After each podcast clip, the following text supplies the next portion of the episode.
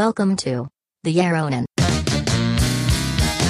Wij zijn De Jeroenen. Jeroen Unger en Jeroen Verkroost maken een tweewekelijkse podcast over media, marketing en innovatie. In deze aflevering beginnen we natuurlijk weer met het leed dat Brexit heet. We praten over Apple Virtual Reality. POTS, de nieuwe audiokrant. Vergeet me nietjes. Wij zijn thought leaders natuurlijk. En als we het niet zijn, dan kopen we dat toch gewoon. Het nieuwe Tissue Symposium. You've Got Mail, maar dan van spinazie. En tot slot de miljardair wappies. Gelijk met het Brexit nieuws beginnen? Ja, top. Brexit nieuws, altijd leuk. Ja, en de saga Brexit leed. Dit is inmiddels uh, het derde deel. En het Brexit-leed begint zich meer en meer te concentreren nu op Noord-Ierland, wat een soort duale positie heeft. Officieel hoort bij Engeland, maar het is natuurlijk als onderdeel van het eiland Ierland. En daarom hebben de EU en het Verenigd Koninkrijk besloten om de grens tussen de Europese Unie en Engeland uh, in de zee te leggen tussen Ierland en Engeland in. En het leed uh, verplaatst zich die kant op. Was het eerste vis-export vanuit Engeland naar uh, Europa, wat dan moeilijk was. Blijkt nu dat het ongeveer acht dagen duurt voordat wortelen in Belfast aankomen in Noord-Ierland. dus acht dagen lege schappen om een aantal wortelen in een supermarkt in Belfast in Noord-Ierland te krijgen. Ach. De boeren die, uh, die wortelen willen exporteren, die klagen vooral over uh, ja, alle regels die er uh, rondom voedsel natuurlijk gedefinieerd zijn. dus de importregels binnen de Europese Unie rondom voedsel, en dat is dus niet alleen maar zuivelproducten of vlees, maar dus blijkbaar ook wortelen, is nogal omvangrijk. Dus er moet een document van of 36 of 72 pagina's ingevuld worden om een doos met wortelen naar Noord-Ierland te krijgen. Geniaal. Oh, maar wacht, dit is hartstikke zielig. Want het heeft daar natuurlijk ook keihard gesneeuwd. En nu zitten al die kinderen met sneeuwpoppen zonder neus. Ja, dat is wel heel erg. Uh, ja. ja. En als je een, uh, als je een foutje maakt, dan, uh, dan komen de wortelen natuurlijk helemaal de grens niet over. Dan wordt het gewoon tegengehouden bij de Noord-Ierse grens of midden in de zee. Ja, midden in zee moet dan een soort van wortelmuur zijn of zo. Apart. Moet die boot daar dan blijven drijven? Ik heb, ik, ik heb zoveel vragen hierover. Ja, ik denk dat ze nu een worteloverschot hebben dan in Engeland. Uh, een wortelberg. Vroeger hadden we melkplassen en boterbergen. Ja, ja, in, in ja. Engeland hebben ze wortel, wortelbergen. En toch vind ik het leuke van dit soort sneuwe brexit verhalen... dat je uiteindelijk op deze manier wel leert waar de Europese Unie goed voor is. Ja. Want eh, in, in de retrospect blijkt dus dat dankzij de Europese Unie we geen eh, 36 of 72 pagina's of formulieren in hoeven te vullen om onze wortelen van A naar B te krijgen. Dat is toch een mooi iets. Hey, ik wil jou iets vragen, want jij hebt nog veel verstand van techniek en, uh, en zo. Hè? Oh jee. en ook van, van strategie en zo. Dat vinden we ook leuk om daarover te filosoferen. Ja. Um, ik ben eigenlijk al meer dan een week mijn hoofd aan het breken over een aankondiging van Apple. Apple gaat dus een nieuw soort headset ontwikkelen. Maar dan bedoel ik dus niet uh, oortjes. Ik bedoel een soort koker die je op je hoofd zet, zoals een virtual reality bril. Behalve dat het uiteindelijk ook weer niet echt helemaal virtual reality gaat zijn.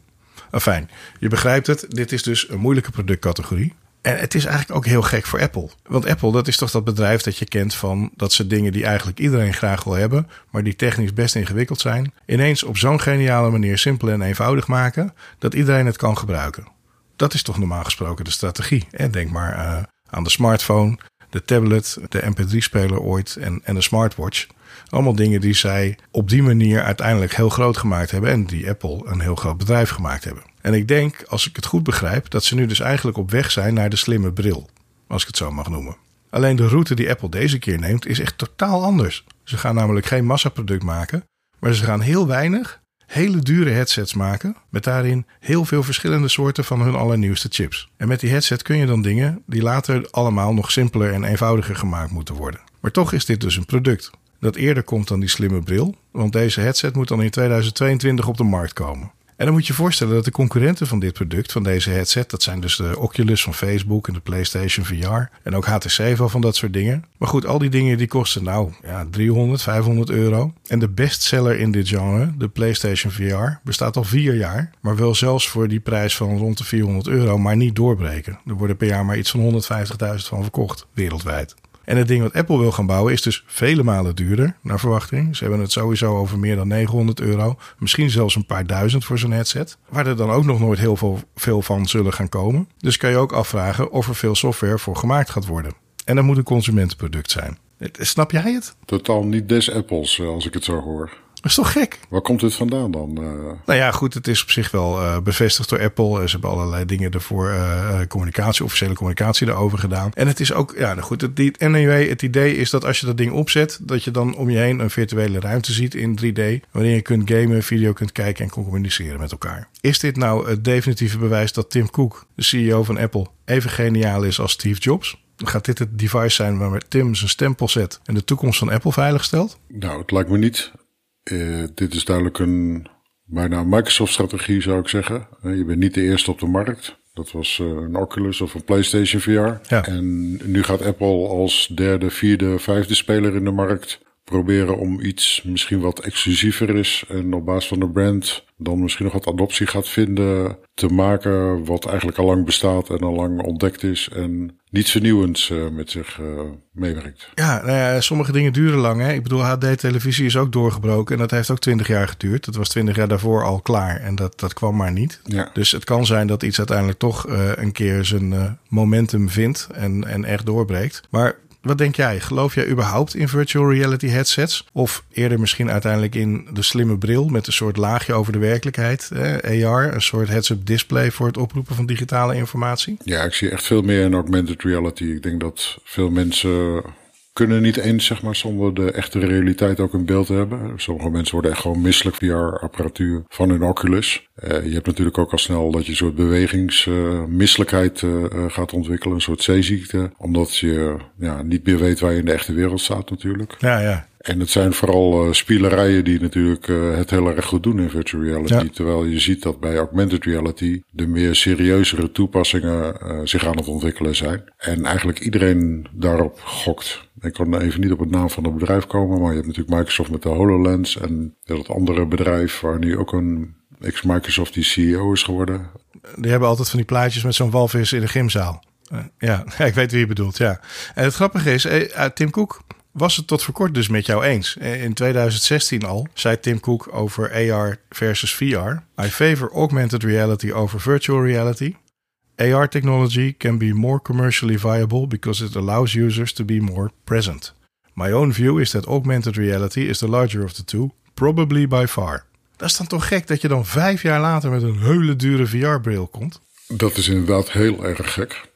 En het past misschien wel in de traditie dat Tim Cook natuurlijk een hele andere CEO is dan Steve Jobs. Waarbij het niet meer gaat om de innovatie en het eerste zijn op de markt met iets wat revolutionair is of disruptief. Maar meer voortbouwt op, voortkabbelt op het kunnen optimaliseren van logistieke processen. Hmm. Ja, er wordt niet veel verwacht dat er verkocht gaat worden van dit apparaat ook. Nee, ze verwachten niet er heel veel van te verkopen, maar de learnings hieruit moeten dan uiteindelijk uitmonden in een productlijn. Nou ja, anyway, het is nieuws van Bloomberg. Die checken over het algemeen hun bronnen echt wel goed. En ja, de, de letterlijke headline is Apple's first headset to be niche precursor to eventual AR glasses. Nou, als we in 2022 dan de hele moeilijke bril krijgen, dan is de, de, de virtual reality ding, dan is de slimme bril dus sowieso nog een jaar of vijf, zes uh, bij ons vandaan. Dat vind ik toch wel weer jammer. Ja, dan gok ik toch op de auto die Apple aan het uh, maken is. Ik denk dat die er eerder is en eerder uh, geadopteerd zal worden door de markt dan een dergelijke bril van Apple. Ja, is er nou wel een stuk grotere markt voor auto's dan voor VR-brillen.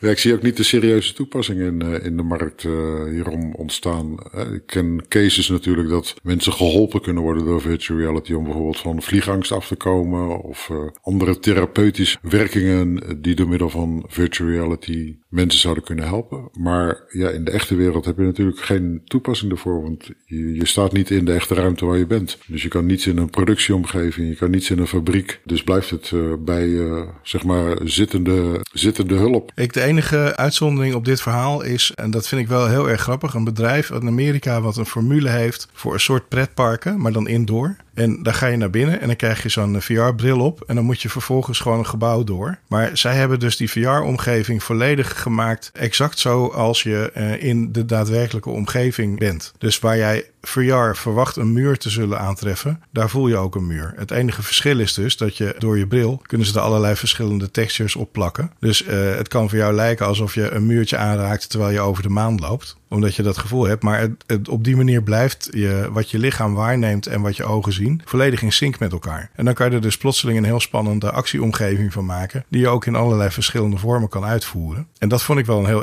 interessant gegeven. En dan loop je dus volledig blind met die bril op in een omgeving die zich precies zo gedraagt als wat jij digitaal op je bril ziet. Het is in ieder geval veiliger natuurlijk. Dus je zou een, eh, een pretpark, eh, in plaats van dat je een echte achtbaan bouwt, in een kleine ruimte kunnen maken met een stoel die kan bewegen en iemand met een VR-bril op. Dan heb je in ieder geval een uh, pretpark simulatie. En dan heb je niet uh, 10.000 vierkante meter nodig, maar nog maar één vierkante meter. Ja, en het is ook niet duur, want eh, gewoon wat, wat blokken beton neerzetten hier en daar. dat is een stuk makkelijker dan een, een heel pretpark bouwen. En de rest doe je gewoon met software. Ja. Al kan ik me nog niet voorstellen dat VR mij opeens op een zonnig eiland uh, op vakantie brengt met alle geuren en sferen die daar weer bij horen. Nee joh, dat, nee, daar geloof ik ook niet in. Nee, maar daar zitten we nu eigenlijk wel op te wachten in deze coronatijd. Oh, dat zou wel te gek zijn, jij nooit zegt, ja. Dan heb ik uh, een item over PODS. En PODS uh, schrijf je als P-O-D-Z. Ik toevallig tegen. Er is natuurlijk weer een nieuwe app. Het is helaas alleen voor de iPhone en helaas alleen ook in de US verkrijgbaar. Maar ik vond het concept wel interessant. Het is een, eigenlijk een soort audiokrant. En wat uh, het idee daarachter is, is dat de app uh, door de explosie eigenlijk aan audiocontent die nu ontstaat in het afgelopen jaar, zeker natuurlijk. Dat POTS uh, analyseert alle podcasts die er zijn, en vooral de Engelstalige podcasts. En haalt uit die podcast een soort clip van ongeveer 60 seconden. En op basis daarvan bouwen ze een soort playlist op van fragmenten met eigenlijk alleen de interessantste passages uit die podcast. En die kunnen ze dan voorschotelen. Die komen voorbij in de app. Je kan er uh, naar luisteren, naar die 60 seconden. Je kan, als je denkt van, hé, hey, dit is een interessant fragment, ik wil deze podcast eigenlijk wel in zijn geheel luisteren, kan je erop klikken en dan kan je de hele podcast horen. Dus eigenlijk krijg je een soort shoppingkanaal voor, voor podcast. En gezien de breedte en de hoeveelheid aan content qua podcast die er zijn, vond ik het eigenlijk wel een heel interessant idee. Ik, ben niet een hele grote fan van zeg maar de discovery functionaliteit op, uh, op Spotify. En ik dacht, nou, dit is eigenlijk wel een, een goede niche om, uh, om in te stappen. Juist omdat er in de podcastmarkt eigenlijk nog zoveel te ontwikkelen is.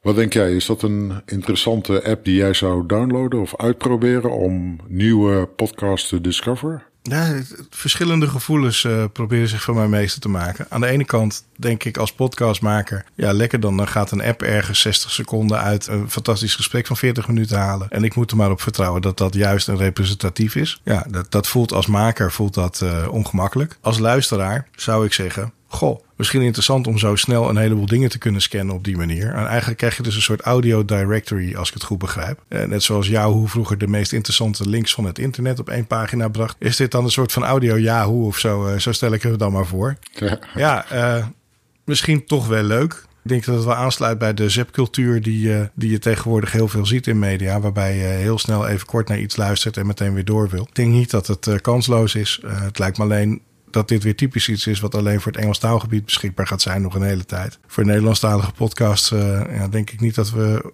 onze adem in hoeven te houden voordat er zoiets verschijnt. Nee, zeker niet. Tenzij we het natuurlijk zelf gaan maken, Jeroen. Maar dat, uh, dan moeten we nog even een goede sponsor, uh, een venture capitalist voor vinden misschien wel. Ja, ja nee, dat is waar. Nee, weet je, volgens mij heb jij de eerste aanzet al gemaakt. Ja, geprobeerd te maken, zou ik het dan maar even noemen.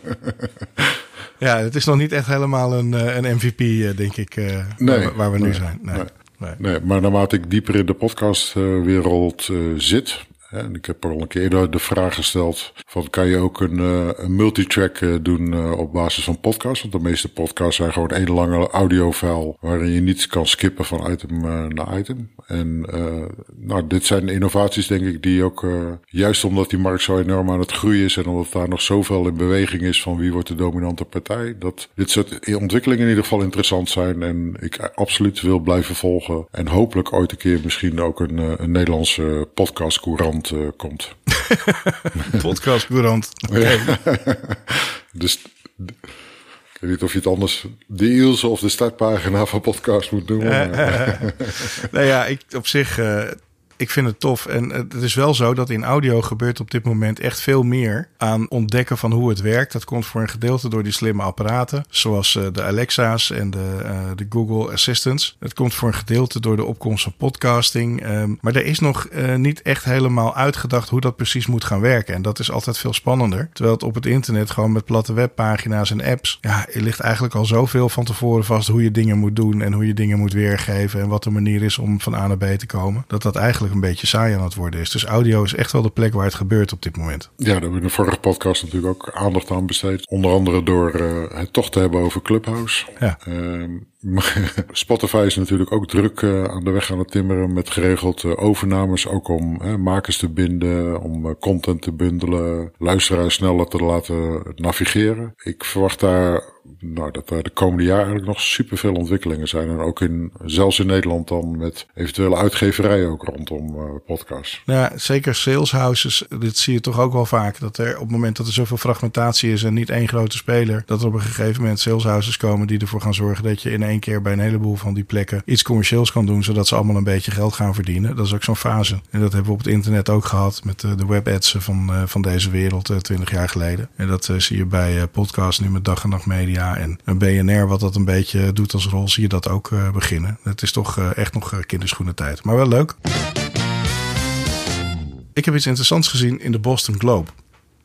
En dat heet het Fresh Start Initiative. Komt er eigenlijk op neer dat je als persoon een verzoek in kunt dienen bij de krant om artikelen of informatie over jezelf te laten updaten, aanpassen of anonimiseren, voor zover die informatie online oproepbaar is. Het initiatief is onderdeel van een bredere gedachte om te evalueren hoe bijvoorbeeld misdaadverslaggeving werkt, wat de effecten zijn van het feit dat dingen tegenwoordig niet meer een dagje in de krant staan en dan weggaan, maar eigenlijk als ze één keer gepubliceerd zijn, daarna altijd maar oproepbaar blijven. Welk effect heeft dat op mensen en maatschappij?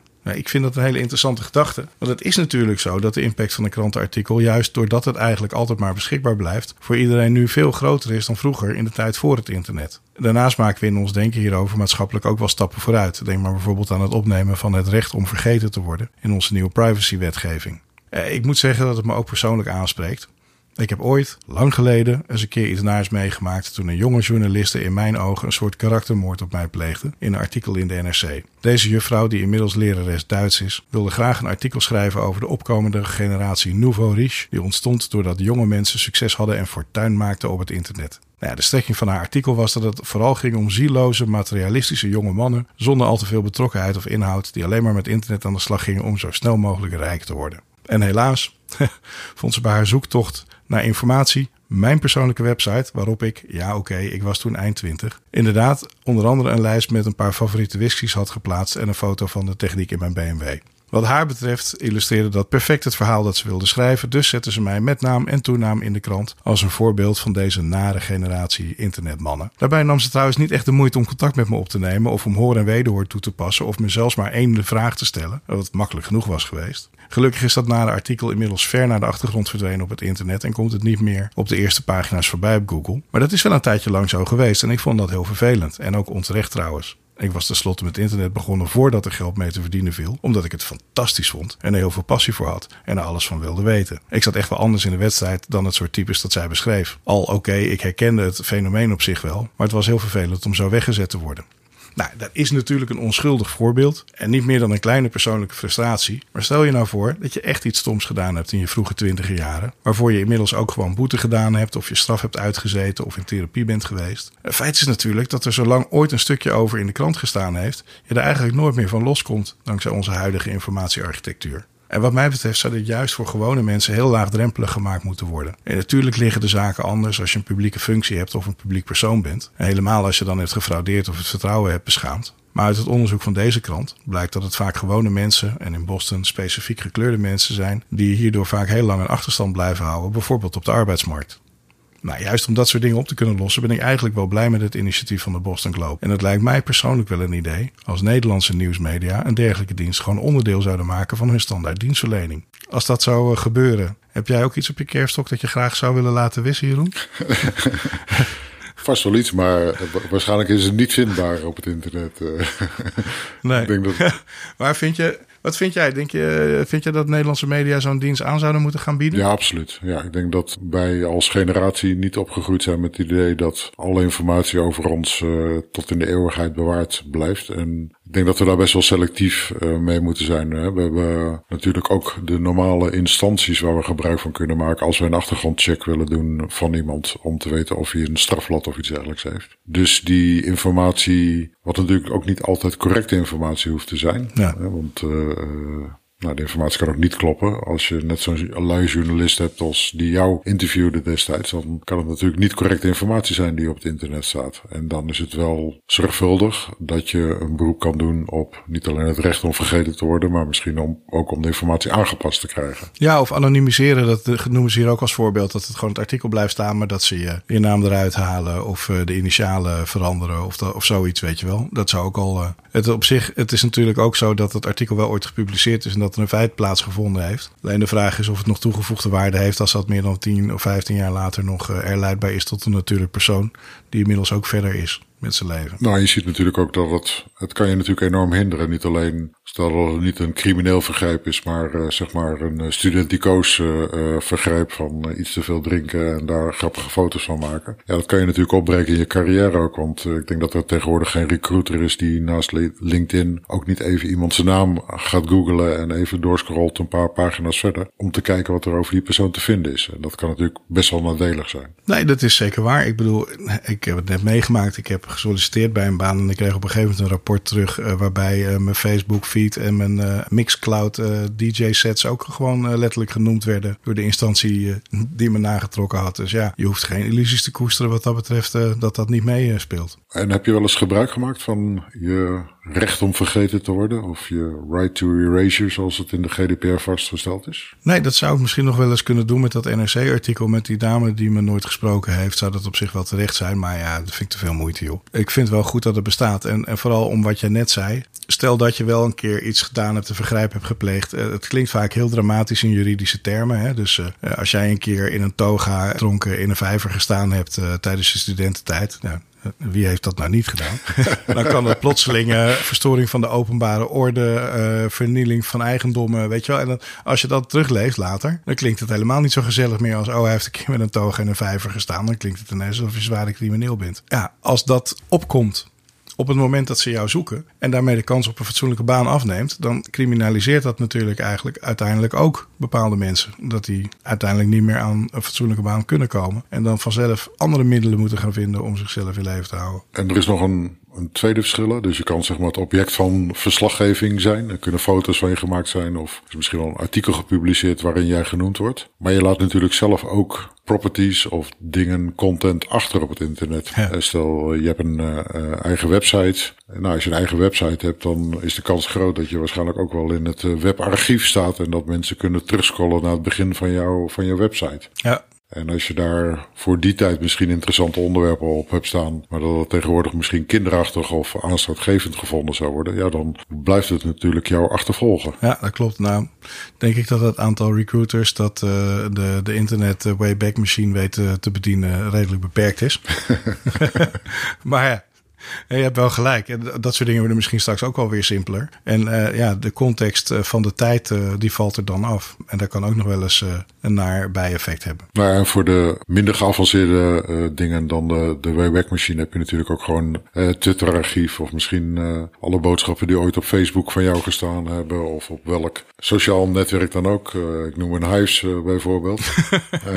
geheid dat er ergens nog wel een stukje data te vinden is. Of ergens opgeslagen ligt die misschien ooit nog een keertje naar boven toe zou komen. Zou iemand Hives gebackupt hebben? Interessante vraag.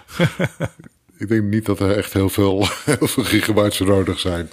Nee, nee dat, ja. dat is ook weer waar. Ja, ja, ja. Officieel is het nog steeds in bezit toch van de Telegraaf Mediagroep? Of? Het Mediahuis dan hè, inmiddels, ja.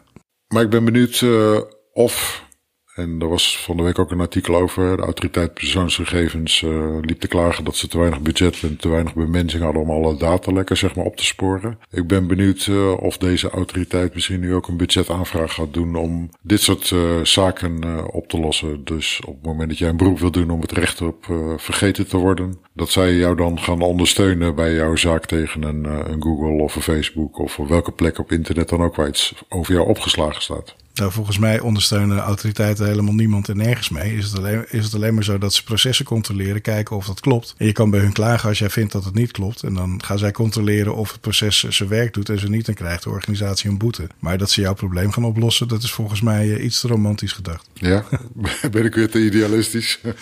het zou mooi zijn, maar volgens mij houden zich daar niet zo mee bezig.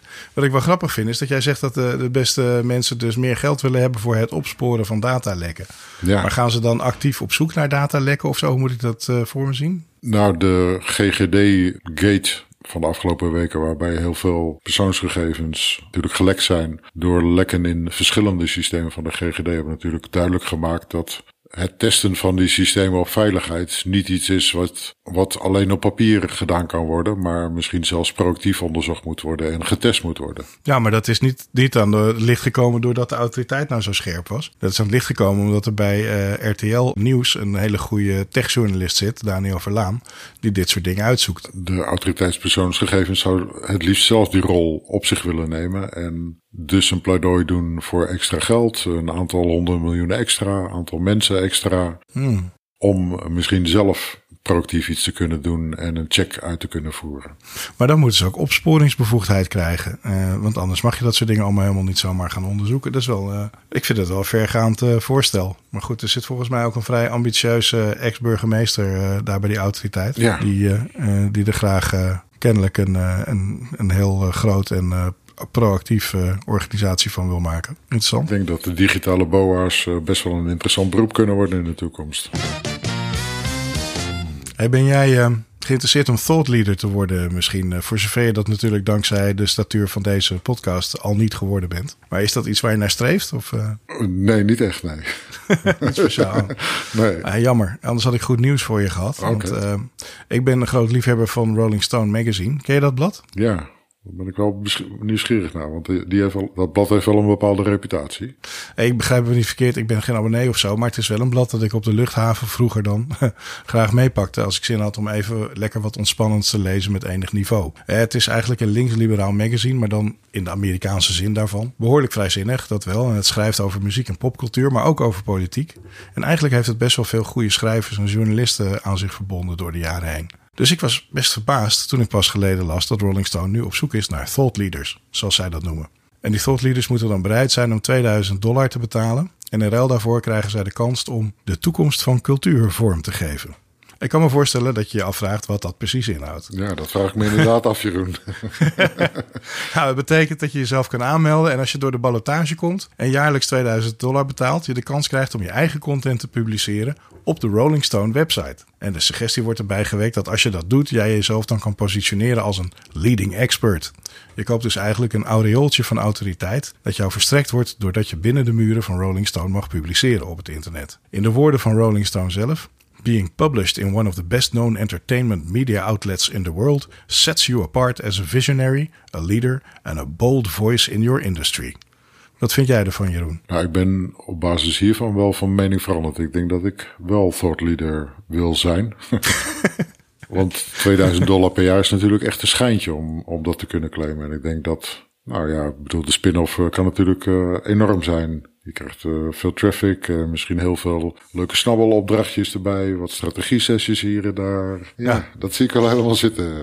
ja, één sessie en je hebt je 2000 dollar terugverdiend. Ja, ja. Ja, ja, het is wel een uh, innovatief businessmodel. Nee, je verwacht het niet hè, bij Rolling Stone. Het was eigenlijk vanaf de oprichting in 1967 in handen van een stel van oorsprong nogal idealistische hippies. Maar ik dook er eens wat dieper in en ik kwam erachter dat het sinds 2017 eigendom is van de Penske Media Corporation. En eh, die overgang naar Penske heeft wel voor een aantal veranderingen gezorgd bij het bedrijf. Het gaat natuurlijk helemaal niet goed met de magazine business. Hè, advertentieinkomsten lopen terug en ze zijn op zoek naar nieuwe businessmodellen. Dus ze zijn al een paar stapjes verder sinds 2017. Ze hebben een betaalde charts service, meer nadruk op artikelen over de muziekindustrie zelf om ook B2B inkomsten te kunnen genereren. En een betaalmuur waardoor lang niet alles meer vrij te lezen is op het internet. En dit nieuwe initiatief, uh, Thought Leader voor 2000 dollar, lijkt de volgende stap te zijn in de serie van maatregelen die de opbrengst overeind moeten houden. Maar Kwaliteit en ballotage lijkt nog wel een dingetje. Ik heb heel even gekeken naar wat er inmiddels op deze manier gepubliceerd is op Rolling Stone. En ik heb twee voorbeelden voor je. Oké.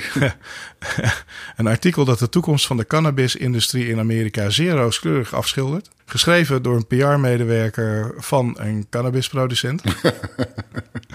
of uh, bijvoorbeeld, uh, thought leader, sorry. Of bijvoorbeeld een stuk waarin de nadruk gelegd wordt op de sociale waarden en maatschappelijke bijdrage van sport. En dat is geplaatst door de oprichter van een online platform voor sportweddenschap. Wat denk jij, Jeroen? Zit er überhaupt nog toekomst in magazines? nou, ik denk in ieder geval dat die 4000 dollar van die twee mensen hun, uh, hun niet naar een break-even punt uh, gaat redden. En dat op deze manier toch wel een beetje, dat het eigenlijk gewoon een advertorial uh, aan het worden is. Ja. En meer niet. Het klinkt niet alsof er iets exclusiefs aan zit. Nog dat het enige waarde heeft voor, voor de lezer. En het zal waarschijnlijk de, de ondergang van dit roemruchte magazine alleen maar versnellen. Ja, is toch droevig hè? En ik snap het, hè? het is natuurlijk hartstikke moeilijk. Kijk, uh, vroeger stond nieuws in de krant. Tegenwoordig staat nieuws op het internet. Dus alle kranten zijn gaan doen wat de weekbladen vroeger deden. Namelijk uh, achtergrond en duiding brengen. Want het feit, ja, dat is toch al bekend. En alle, alle weekbladen zijn gaan doen wat de maandbladen deden. uh, wat, wat mooiere specials enzovoorts. En ja, weet je, uiteindelijk al dat, ergens something's gotta give natuurlijk. Want het blijft niet allemaal gekocht worden. Je ziet dat in, in heel veel magazines, ook in de verkoopcijfers uh, en in de advertentieinkomsten terug. Het is toch wel sneu om dit soort uh, iconen van, van cultuur en journalistiek zo van het voetstuk te zien vallen. Ja, ze hebben natuurlijk wel echt een mooi roemrucht, bekend lettertype met rode letters en de, de sierlijke krullen in de letters. Het zou zonde zijn als het teloor gaan, maar goed. Als ik hun een tip mag geven vanuit mijn strategisch thought leadership, dan zou ik zeggen, klop even aan bij Jeff Bezos. Hij heeft inmiddels wat ervaring met de Washington Post opgedaan. Om die gezonder te krijgen. Hij heeft nu tijd over, omdat hij uit Amazon stapt. Dus misschien wil die Rolling Stone ook wel weer een nieuw leven inblazen. Ja, misschien kunnen, ze een gratis CMS'je van hem krijgen of zo. Dat.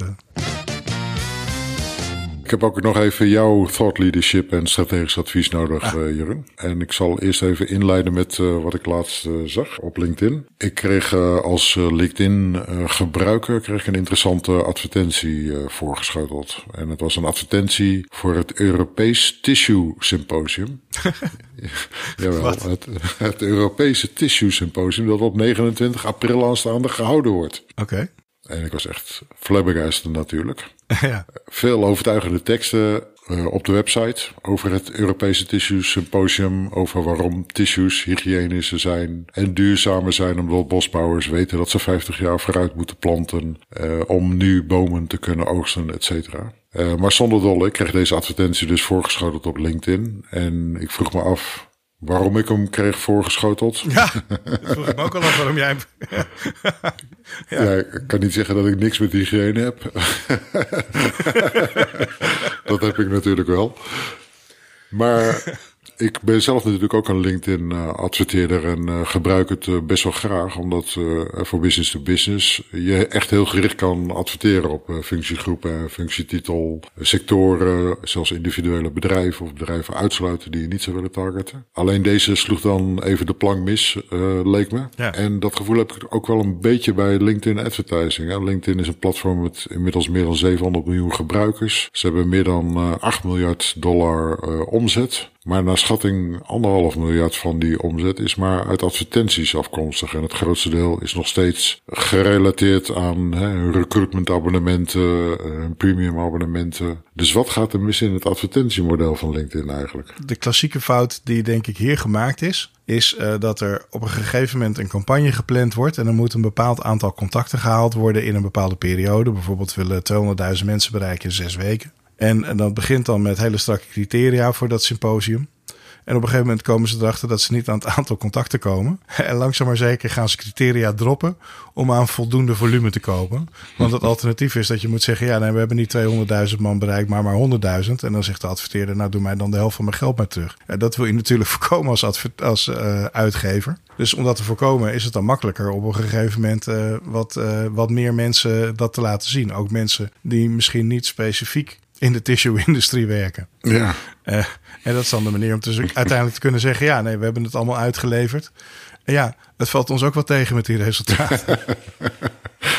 Misschien toch nog eens naar de kopie kijken of naar de uiting, is dan vaak de, het advies van de uitgever. Want ja, dat doen ze dan liever. Hè? Uiteindelijk uh, de creatie de schuld geven is prettiger dan, uh, dan geld teruggeven. Maar daarmee schieten ze uiteindelijk zichzelf toch een beetje in de voet. En dat zie je natuurlijk ook aan hun advertentieinkomsten. Anderhalf miljard is natuurlijk peanuts als je dat vergelijkt bij zeg maar andere bedrijven met een omvang van meer dan 700 miljoen uh, gebruikers. Nee, dat klopt. Maar het is natuurlijk voor hun niet hun primaire model. En ik wil ook niet suggereren dat alle uitgevers altijd dit soort dingen doen. maar um, ik weet wel dat het af en toe gebeurt. En zeker op het moment dat de, de omzetten laag zijn. Nou zal LinkedIn zeker moeilijke tijd achter de rug gehad hebben. Want ja, iedereen is gaan bezuinigen op marketing het afgelopen jaar. Dus misschien dat het ermee te maken heeft uiteindelijk denk ik ook dat LinkedIn uh, het zich niet kan permitteren om een soort van advertising kermis te worden. En waar zij zich op zullen richten is uh, niet zozeer op volumecampagnes, maar toch liefst op campagnes die uh, heel veel targeting criteria met zich meebrengen. Dat betekent namelijk eh, op het moment dat je criteria gaat stapelen. Ik wil alleen raketgeleerden die gewerkt hebben bij een, een, specifiek bedrijf in Zwitserland,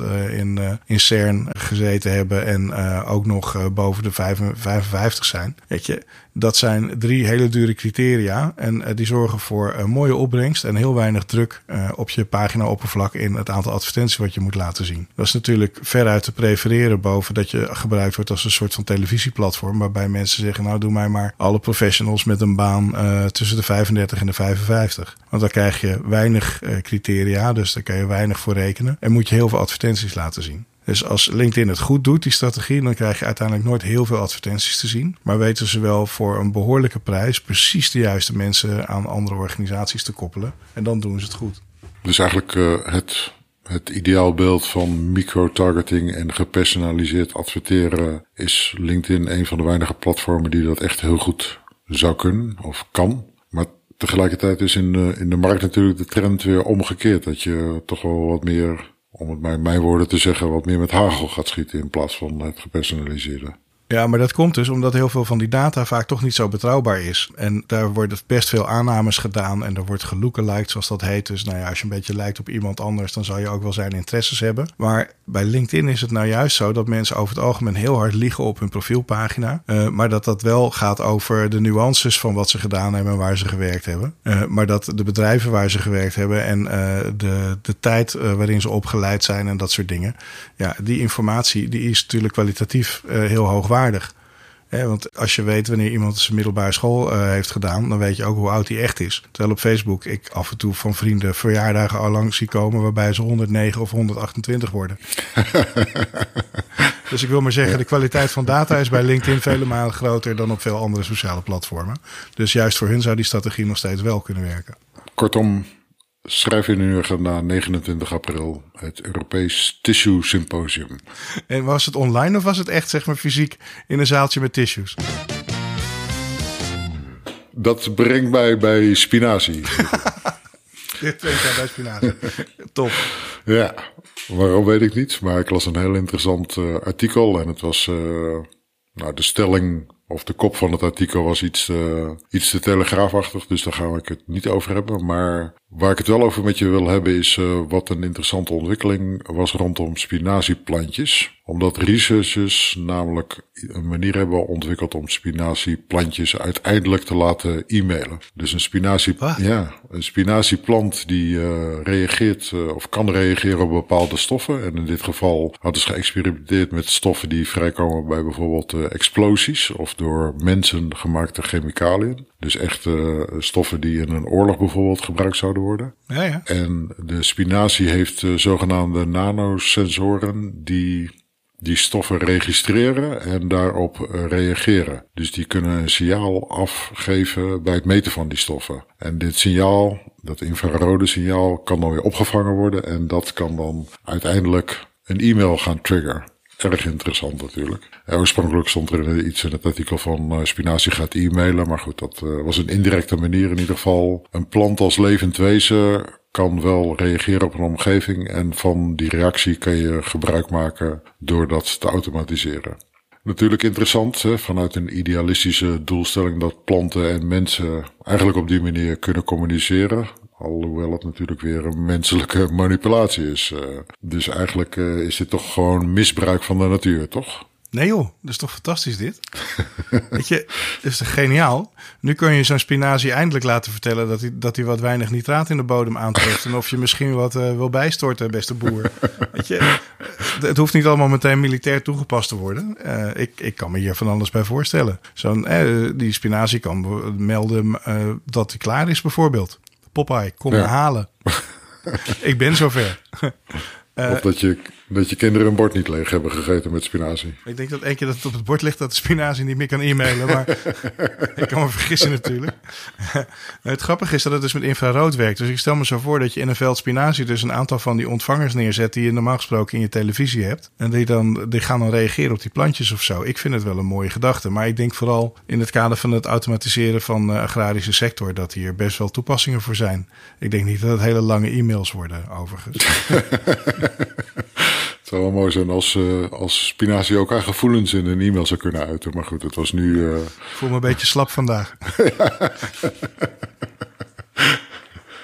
ja, kom wat sproeien. maar bijvoorbeeld ook dat soort dingen. Stel dat je bijvoorbeeld zou kunnen zeggen... Help, uh, kudde Colorado-kevers zojuist uh, geland. Alarm. ja. Ik weet het niet, ja. Ik zie, ik zie echt allerlei toepassingen die volgens mij uh, hartstikke leuk zijn. Of ik heb het uh, warm vries me in, zoiets. Ik heb nog één uh, mooie complottheorie verhaal wat ik aan je voor wil. Oh. Ja. Ken jij Pieter Thiel toevallig of niet toevallig? Ja, ja. Ja, dat is, nou, ik ken hem niet, maar ik weet wie het is. Hè. Het is een uh, vooraanstaand lid van uh, de PayPal-mafia. Ja, absoluut. Ja. En nog steeds uh, tot bijna het laatste toe een fervent supporter ook van Donald Trump. Daar is hij ook openlijk voor uitgekomen en ook openlijk voor afgebrand. en natuurlijk ook een van de eerste investeerders in bijvoorbeeld een Facebook en Uber, dacht ik. En eBay toch ook, of niet? Hij heeft ook een heel interessant boek uh, geschreven van From, From Zero to One. Eigenlijk uh, een soort eh, masterclass die hij gegeven heeft aan een of andere universiteit over hoe je succesvol kan worden als start-up. En nou, op zich, de lessen die erin staan, iedereen vindt daar vast wel wat van. Ik vond het vooral eigenlijk interessant omdat het een soort inzicht gaf in, in de Amerikaanse denkwijze over hoe je groot moest worden met je start-up. En dat kwam volgens Pieter Thiel er eigenlijk vooral op neer dat je zoveel mogelijk de grenzen van wat legaal is moest opzoeken. Totdat je zeg maar betrapt of gepakt werd erop. en op het moment dat je dan uiteindelijk uh, gepakt wordt, hè, zoals een Uber natuurlijk, uh, wegens het uh, schandalig lage uurloon wat ze aan de Uber-drivers gaven. Ja, op het moment dat je dan gepakt wordt, ben je waarschijnlijk al zo groot en heb je al zoveel marktmacht dat die boete je eigenlijk ook niks meer kan schelen. Dus dat, dat was eigenlijk zijn, zijn idee om, uh, om niet uh, van een 0 een halfje te worden, maar om echt van een 0 een 1 uh, te worden. En gelijk een soort winner takes all marktmonopolist te worden. Ja, het is natuurlijk eigenlijk, het is ook gewoon persoonlijke voorkeur. En het, ik vind het een hele enge man. Het is echt zo'n één rant aanhanger, als je dat wat zegt. Hè? Ja. De, de Fountainhead theorie. als jij in staat bent om je macht over anderen te doen gelden, dan is het je goed recht om dat te doen. Want jij kan er niks aan doen dat je, dat je beter bent dan anderen. Weet je, die gedachte ja, dat staat voor mij uh, persoonlijk uh, nog, nogal ver af. En uh, ik had eigenlijk gedacht dat je zou gaan zeggen dat zijn truc en zijn theorie was om te zorgen dat je als start-up heel succesvol werd. Dat je heel snel heel veel contracten met de overheid moest afsluiten. Want dat is wat hij meestal doet. Dan zorgt hij ervoor dat hij daar zulke grote projecten heeft dat degenen die ervoor verantwoordelijk zijn dat ze gestart zijn, het eigenlijk niet zonder gezichtsverlies meer kunnen stoppen. En dan kun je heel lang doorgaan. Hè? Dat bedrijf Palantir, wat hij heeft, dat uh, belooft al, uh, al, al, al tientallen jaren ondertussen uh, de meest fantastische inzichten en de totale nou, 1984 invulling werkelijkheid te maken. maar A, dat doet het nog steeds niet. En B, het heeft al heel veel geld gekost. En dat gaat allemaal naar Pieter Thiel. Dus ja, het voelt toch een klein beetje als een man, nou, niet alleen zonder scrupules, maar misschien zelfs wel zonder geweten. En ik zit een beetje een enge kerel. Ja, dat is het zeker. En wat nog enger is, was een uh, artikel wat in The Guardian stond. En ik ben, begin toch wel een fan te worden van The Guardian qua artikelen die ze publiceren, qua diepte en lengte van de verhalen. Erg interessant aan het worden. Maar ze hadden een interessant verhaal eigenlijk over dat de Silicon Valley eh, billionaires, dus de miljardairs, eigenlijk uh, een soort preppers aan het worden zijn om, om de apocalyps te ontsnappen. En, en daar past iemand als Peter Thiel best wel in. qua complotgedachten en qua uh, hoe moet je dat zeggen? Een beetje wappie-gehalte. Want dat wordt gebaseerd op een, op een boek waar je, uh, waar je denk veel in zult herkennen. Wat ook in Nederland op dit moment best wel vaak te horen is. Hè? Dat eigenlijk een van de statements is uh, dat de, de democratie, democratische staat eigenlijk als een soort crimineel kartel opereert op dit moment. Hè? Dus eerlijke burgers die moeten vele of grote delen van hun welvaart eigenlijk opgeven voor nuttige of onzinnige dingen zoals wegen en ziekenhuizen en, uh, en scholen. En dan gaat die complottheorie vervolgens ook nog verder. Hè, dat uh, internet en uh, vooral ook het nu, wat je nu natuurlijk ziet, de trend van dat iedereen cryptocurrencies gaat kopen. Die gaan het eigenlijk onmogelijk maken voor overheden om in te grijpen in, in dit soort transacties, omdat het eigenlijk op dit moment nog steeds niet gereguleerde systemen zijn. En dus wordt het ook moeilijker om belasting te heffen, waardoor de individuen dus weer eigenlijk van de politieke bescherming van de democratie afwijken. En daardoor wordt de regering of de staat uiteindelijk een soort nutteloze politieke entiteit die dus eigenlijk geen grip meer heeft op, uh, op haar burgers of op de, of op de omgeving. En dat, dat, dat complotdenken leidt er uiteindelijk toe dat er een soort ja, een soort uh, uh, nieuwe uh, wereldorde gaat ontstaan. Een cognitieve elite, zoals dat in dat boek genoemd wordt. Die gaan de welvaart en de invloed overnemen. Zal een soort aparte, aparte klasse vormen van een soort elitaire klasse die de wereld zal regeren. Of, laten we zeggen, 180 graden tegenovergesteld eigenlijk helemaal niet. En om dat scenario af te dekken, en daar komt het artikel dan weer op terug op de oorspronkelijke de reden waarom ze het geschreven hebben, is dat Pieter Thiel namelijk heel veel land heeft gekocht in, uh, in Nieuw-Zeeland. Hij heeft daar een groot uh, landgoed uh, gekocht. En eigenlijk als een soort prepper heeft hij daar een, op zijn landgoed voorbereidingen getroffen. Dat mocht het helemaal misgaan in de wereld, dat hij daar naartoe kan vluchten. Nou, vervolgens gaat het artikel dan verder. Uh, en eigenlijk trekken ze de lijn door van, ja, wat is het toch met die, met die miljardairs? Hè? Elon Musk, die, uh, die zit nu vol in de crypto's. En uh, zijn uiteindelijke droom is natuurlijk nog steeds dat de mensen naar, naar Mars toe gaat. Jeff Bezos was met Blue Origin ook nog steeds de droom dat wij planeten kunnen koloniseren om daar... Dat vind ik allemaal prima trouwens. Dat zijn prima dromen. Dat je een, een, een nieuwe heersende klasse wil en alle, alle overheden omver wil werpen, vind ik wel een stuk kwalijker verhaal dan dat je een romantische droom hebt over het veroveren van de ruimte. Ja, ja, ja nou de rode lijn die zij daarin zagen is toch wel dat er een bepaald vluchtgedrag aan, uh, aan, aan ten grondslag ligt. Waarbij die ja, bij... Ja, ja. ja, fair enough. Die wel, ja, ja, Want uiteindelijk is, uh, nou stel dat je een Tesla-planeet hebt, een gekoloniseerde planeet die door Elon wordt, uh, wordt gebouwd of is gebouwd, en die je naartoe brengt, dan is Elon natuurlijk ook tegelijkertijd de machthebber of de enige macht op dat op die planeet. Ja, god, hoe zou dat gaan werken? Daar heb ik eigenlijk nog niet echt over nagedacht. Maar ja, het is toch niet zo dat degene die met eerste met zijn spaceship op een bepaalde planeet geweest is, dat hij dan meteen. Ja, Amerikanen hebben ook een vlag op de maan gezet. Maar volgens mij is de, de maan nog niet de zoveel vijftigste staat van Amerika geworden daarmee. Nee, volgens mij kan je op dit moment nog niet uh, in de ruimte iets claimen uh, qua eigendom. Nee, volgens mij hebben nou de Amerikanen ook de Russen en de Chinezen ook een vlag geplant op de maan. En die zeggen nu ook allemaal dat de planeet van hun is. Ja, nee, maar goed, we kunnen voorlopig zelfs op de aarde nog niet helemaal uitvogelen wie nou eigenlijk de basis over de Noordpool. Dus uh, laat staan dat we kunnen verwachten dat we dat in de ruimte allemaal goed geregeld krijgen. Uh, maar ik vind dat verhaal van Elon, ja, uh, ik, wat ik niet begrijp is dat hij wegkomt met dat, dat Bitcoin-verhaal. Want wat hij eigenlijk gedaan is, heeft, is hij heeft eerst in zijn Twitter-bio heeft hij het woord Bitcoin op, opgenomen. Nadat hij zelf ja. heel veel Bitcoin gekocht had. Heel gek, toen ging de koers van Bitcoin heel hard omhoog. Dat is toch gewoon uh, marktmanipulatie. En dan vervolgens ga je uh, roepen dat, al je, dat je met Tesla's kan kopen uh, met Bitcoin. Nadat je met Tesla zelf heel veel Bitcoin ingekocht hebt. En dan plotseling wordt die Bitcoin heel veel waard en dan heb je geld verdiend. Ja, het volgende is dat hij gaat roepen dat je straks een, een, een, een Bitcoin bij elke Tesla krijgt. en aangezien ze al heel veel Bitcoins hebben, kan hij daar vervolgens ook nog winst op maken. En iedereen met een Tesla een Bitcoin cadeau doen. Ja, dit is toch niet helemaal hoe je dat als regulator zou willen, lijkt me.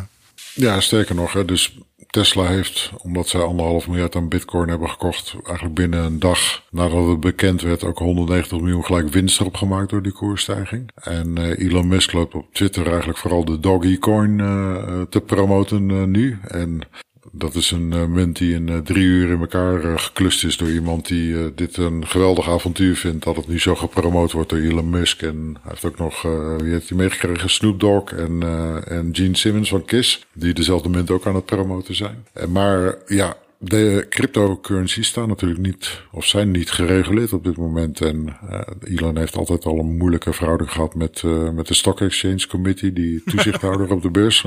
Ja. Die hebben hem al eens keer eerder proberen te berispen op, uh, op uitspraken die hij deed. En volgens mij voelt hij juist hier de vrijheid om alles te zeggen wat hij zou willen. Ja, want de theorie is dan dat de SEC niks te zeggen heeft over dingen die hij doet met bitcoin. En dat hij op die manier zijn gang Ja, gaan. ja. Oh, ja. Ja, omdat het geen officiële financiële producten zijn en cryptocurrencies nog niet onder toezicht Ja, staan. het is wel een slimmerik, hè, onze Elon. Absoluut, ja, ja. Maar het was wel in de, in de wappie-complottheorie, zeg maar, dat, uh, dat de miljardairs nu een soort nieuwe cognitieve elite aan het vormen zijn. Dus ik denk dat Pieter, Pieter Thiels een bewijs hier, hier ziet uh, dat het allemaal klopt. Ja, maar het is toch grappig dat die nieuwe cognitieve elite, die dan zijn tijd zo ver vooruit is en zo superieur is aan de rest van de mensheid, uiteindelijk op exact hetzelfde punt terechtkomt als die hele heftige christenen die geloven in de rapture. En het moment dat ze allemaal opgehaald worden uh, door God net voordat de aarde vergaat. Snap je? Het is wel heel apart dat je via uh, puur materialisme en rationaliteit en kapitalisme uiteindelijk op exact hetzelfde punt terechtkomt als uh, een uh, specifieke heel erg gelovige secte die al die kenmerken niet heeft. Vind je dat niet frappant? Dat is heel erg frappant. Ik denk dat het goed is dat wij die mensen een keer bij elkaar in dezelfde ruimte krijgen dan. Nou ja, je vraagt je af, als je ze bij elkaar zet, zou ze dan ook heel erg met elkaar eens worden en zou dat dan echt vrienden worden? Dat lijkt me ook wel weer grappig. Ik, ja, ik zou dit een experiment graag experiment ja, zien, uh, zien Ja. plaatsvinden. Misschien moeten we een, eh, een clubhouse sessie gaan organiseren en Pieter Thiel uitnodigen en iemand eh, van zo'n religieuze secte. Dank je voor het luisteren. Dit was De Jeroenen. Jeroen Unger en Jeroen Verkroost maakten deze tweewekelijkse podcast over media, technologie, marketing en innovatie. Je kunt ons vinden op www.dejeroenen.com. Daar vind je nu al de link om je te abonneren via Spotify. Als je ons een bericht wil sturen, feedback wil geven op de podcast of een item wil aandragen voor een komende episode, dan vind je op www.dejeroenen.com een reactieformulier. Wij zijn er elke twee weken. Graag tot de volgende keer.